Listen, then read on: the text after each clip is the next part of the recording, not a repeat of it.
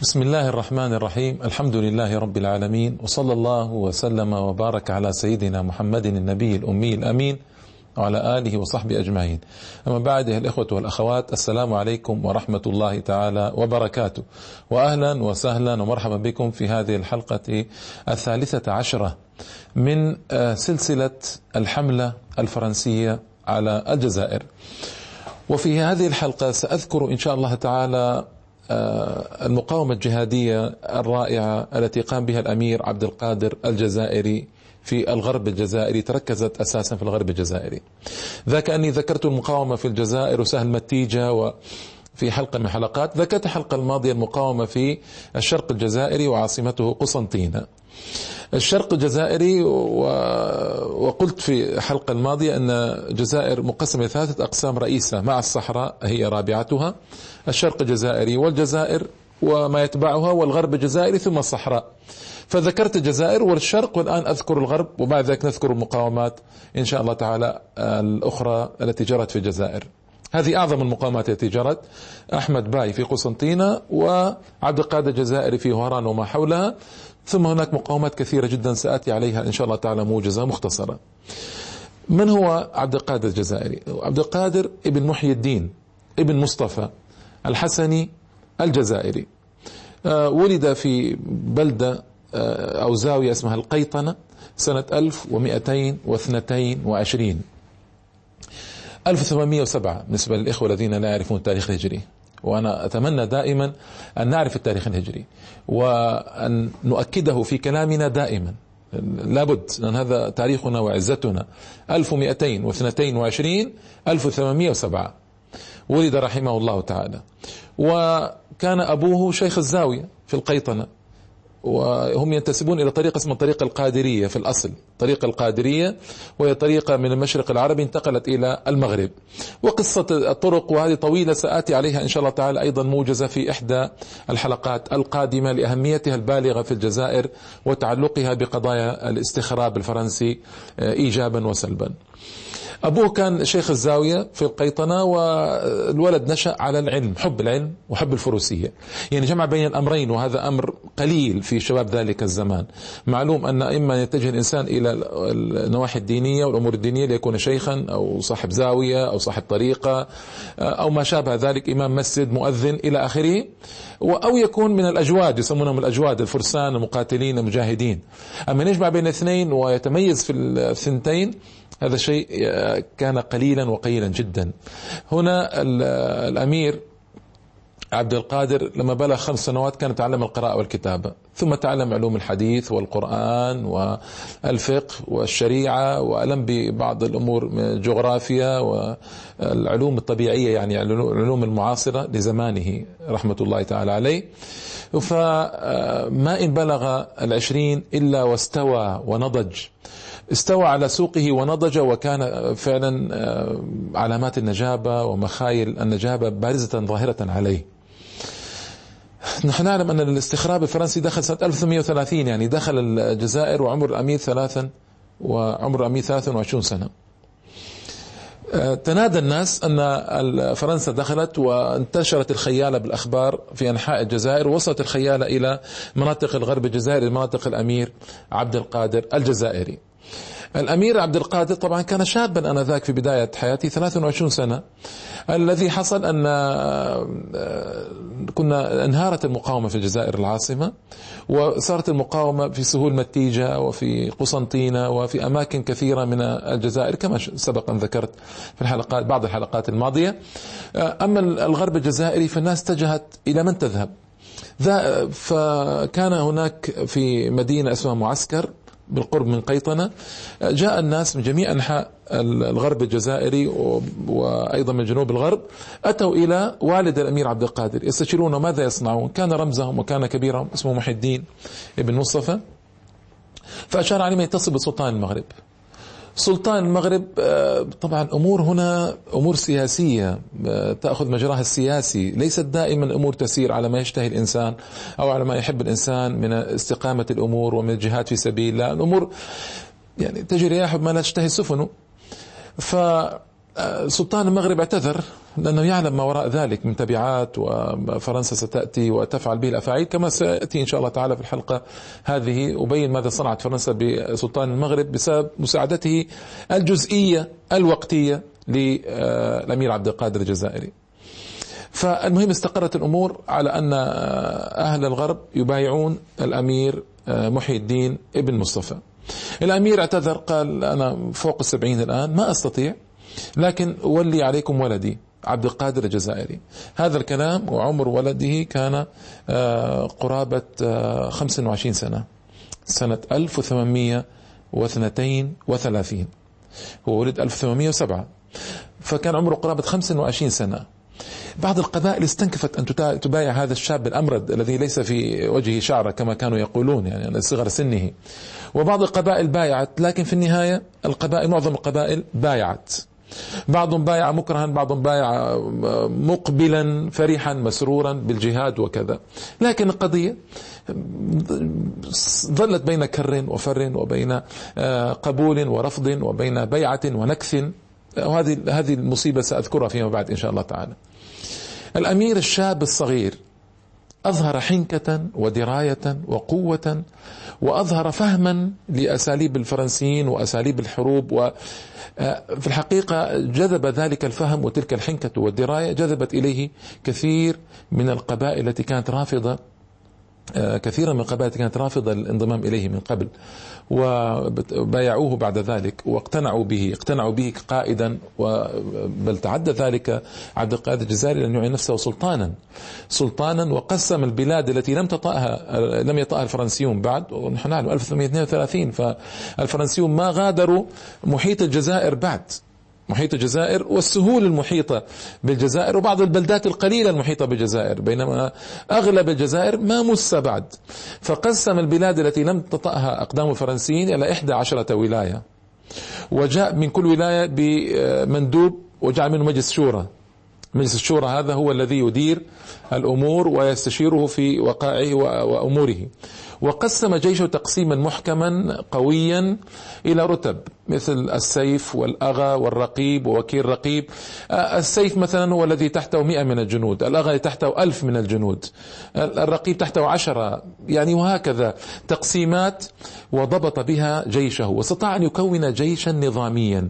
ومن الصعوبة بمكان أن تكون من الأعراب والبادية جيشا نظاميا أن الأعرابي بطبعه ليس معتادا على النظام وليس محبا لهذا النظام ما يحب يقيد نفسه بشيء أصلا. ويحب أن يكون ضمن المتطوعة المجاهدين الذين ليس فوقهم قيادة حازمة تأمرهم وتنهاهم ومرتبات تصرف وجيش نظامي وطلبات ومعاقبة. ما يريدون هذا. إنما يريدون إن كانوا من أهل الجهاد يريدون أن يجاهدوا ضمن المتطوعة. وكان له كان له 150 ألف متطوع في بعض الأحيان وصل العدد. يعني أعداء عشرات الآلاف من المتطوعة انحازوا إليه. لكن الجيش النظامي بلغ 15300 آه، مقاتل وبعض المؤرخين يرفعوا إلى 16 ألف مقاتل ربما بجبر الكسر.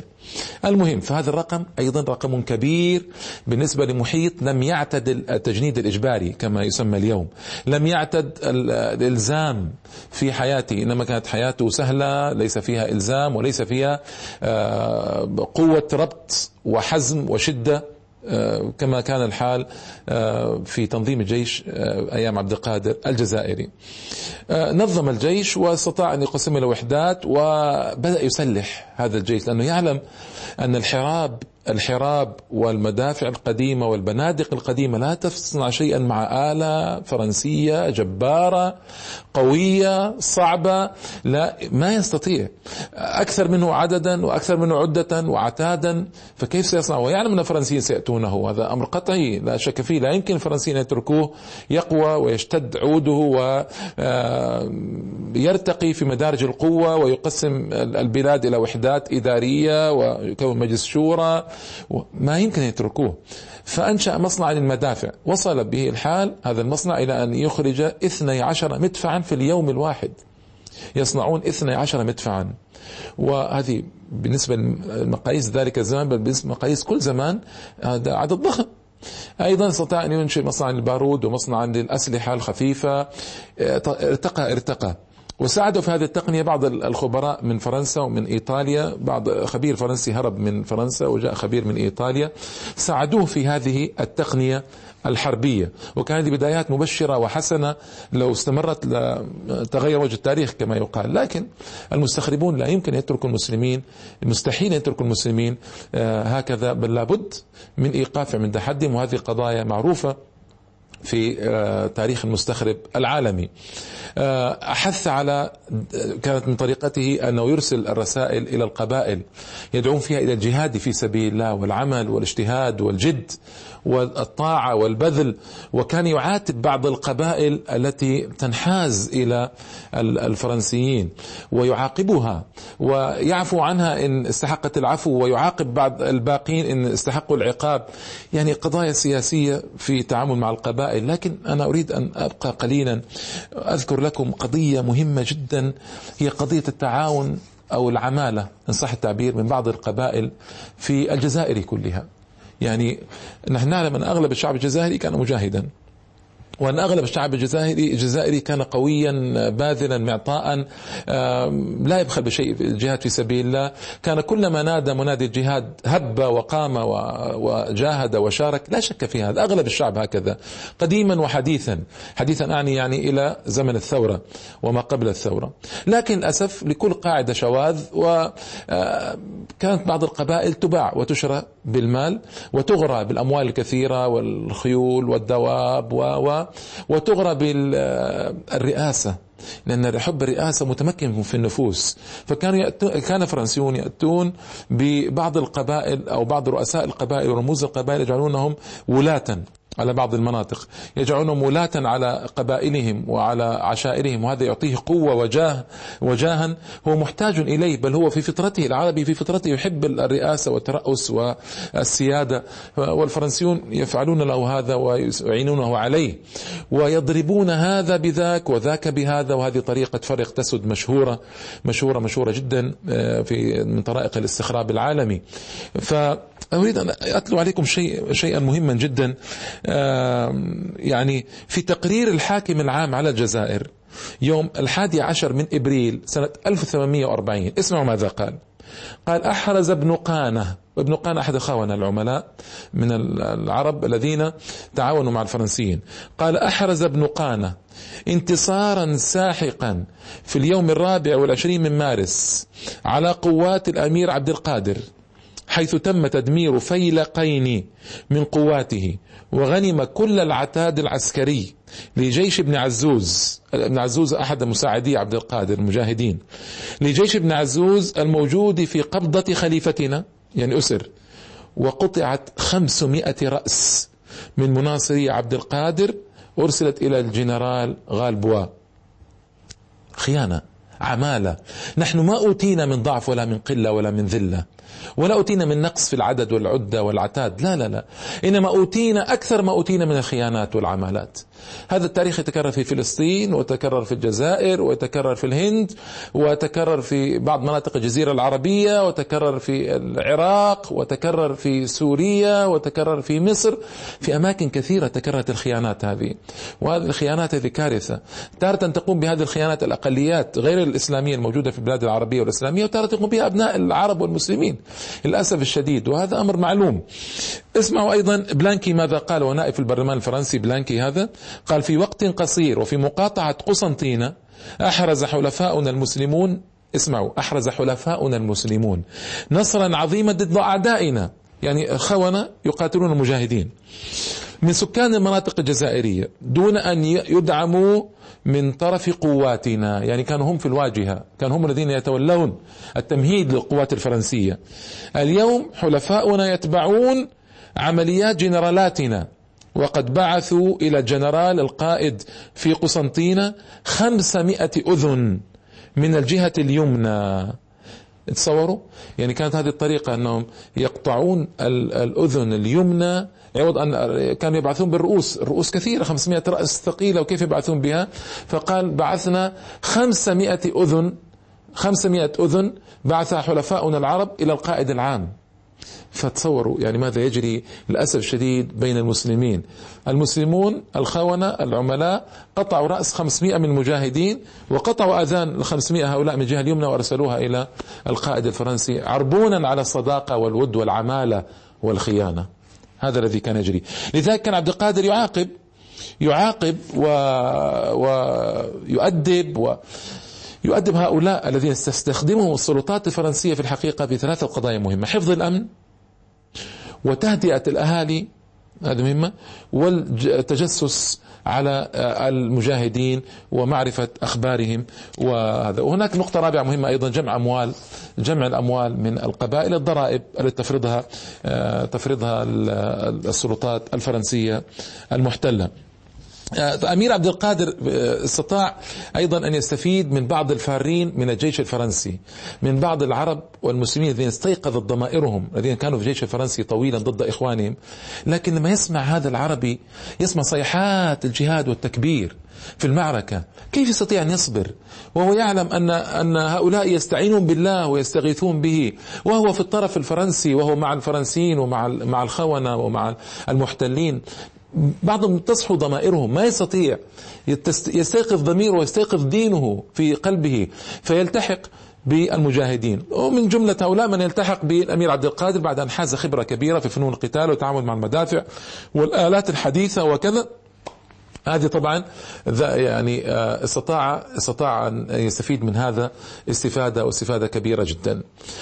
الأمير عبد القادر الجزائري رحمة الله تعالى عليه. هكذا نظم جيشه وهكذا استطاع أن يبدأ المواجهة الكبيرة مع الفرنسيين واستطاع أن ينظم مقاومة رائعة هي أقوى مقاومة في تاريخ الجزائر نحن نعلم أن أقوى مقاومتين في تاريخ الجزائر هي مقاومة الأمير عبد القادر الجزائري واستمرت خمسة عشر عاما في الغرب الجزائري. مقاومة أحمد باي باي قسنطينة واستمرت سبع سنوات في قسنطينة وعشر سنوات بعدها في محيط قسنطينة. يعني سبعة عشر عاما. لكن مقاومة الأمير عبد القادر أقوى ومقاومة أحمد باي أطول. وهناك مقاومة أطول منهما. لكن أضعف منهما هي مقاومة بغلة بو بغلة بو عمامة أعني. بو عمامة مقاومة طويلة جدا من 1881 ل 1908 27 سنة. ستأتي إن شاء الله في الحلقات القادمة. سأكمل في الحلقة القادمة إن شاء الله تعالى الحديث عن أمير عبد القادر الجزائري وماذا صنع وكيف اعتز وانتصر ثم كيف انتهت هذه المقاومة وأين آل به الحال. إلى اللقاء الإخوة الكرام. والسلام عليكم ورحمة الله تعالى وبركاته.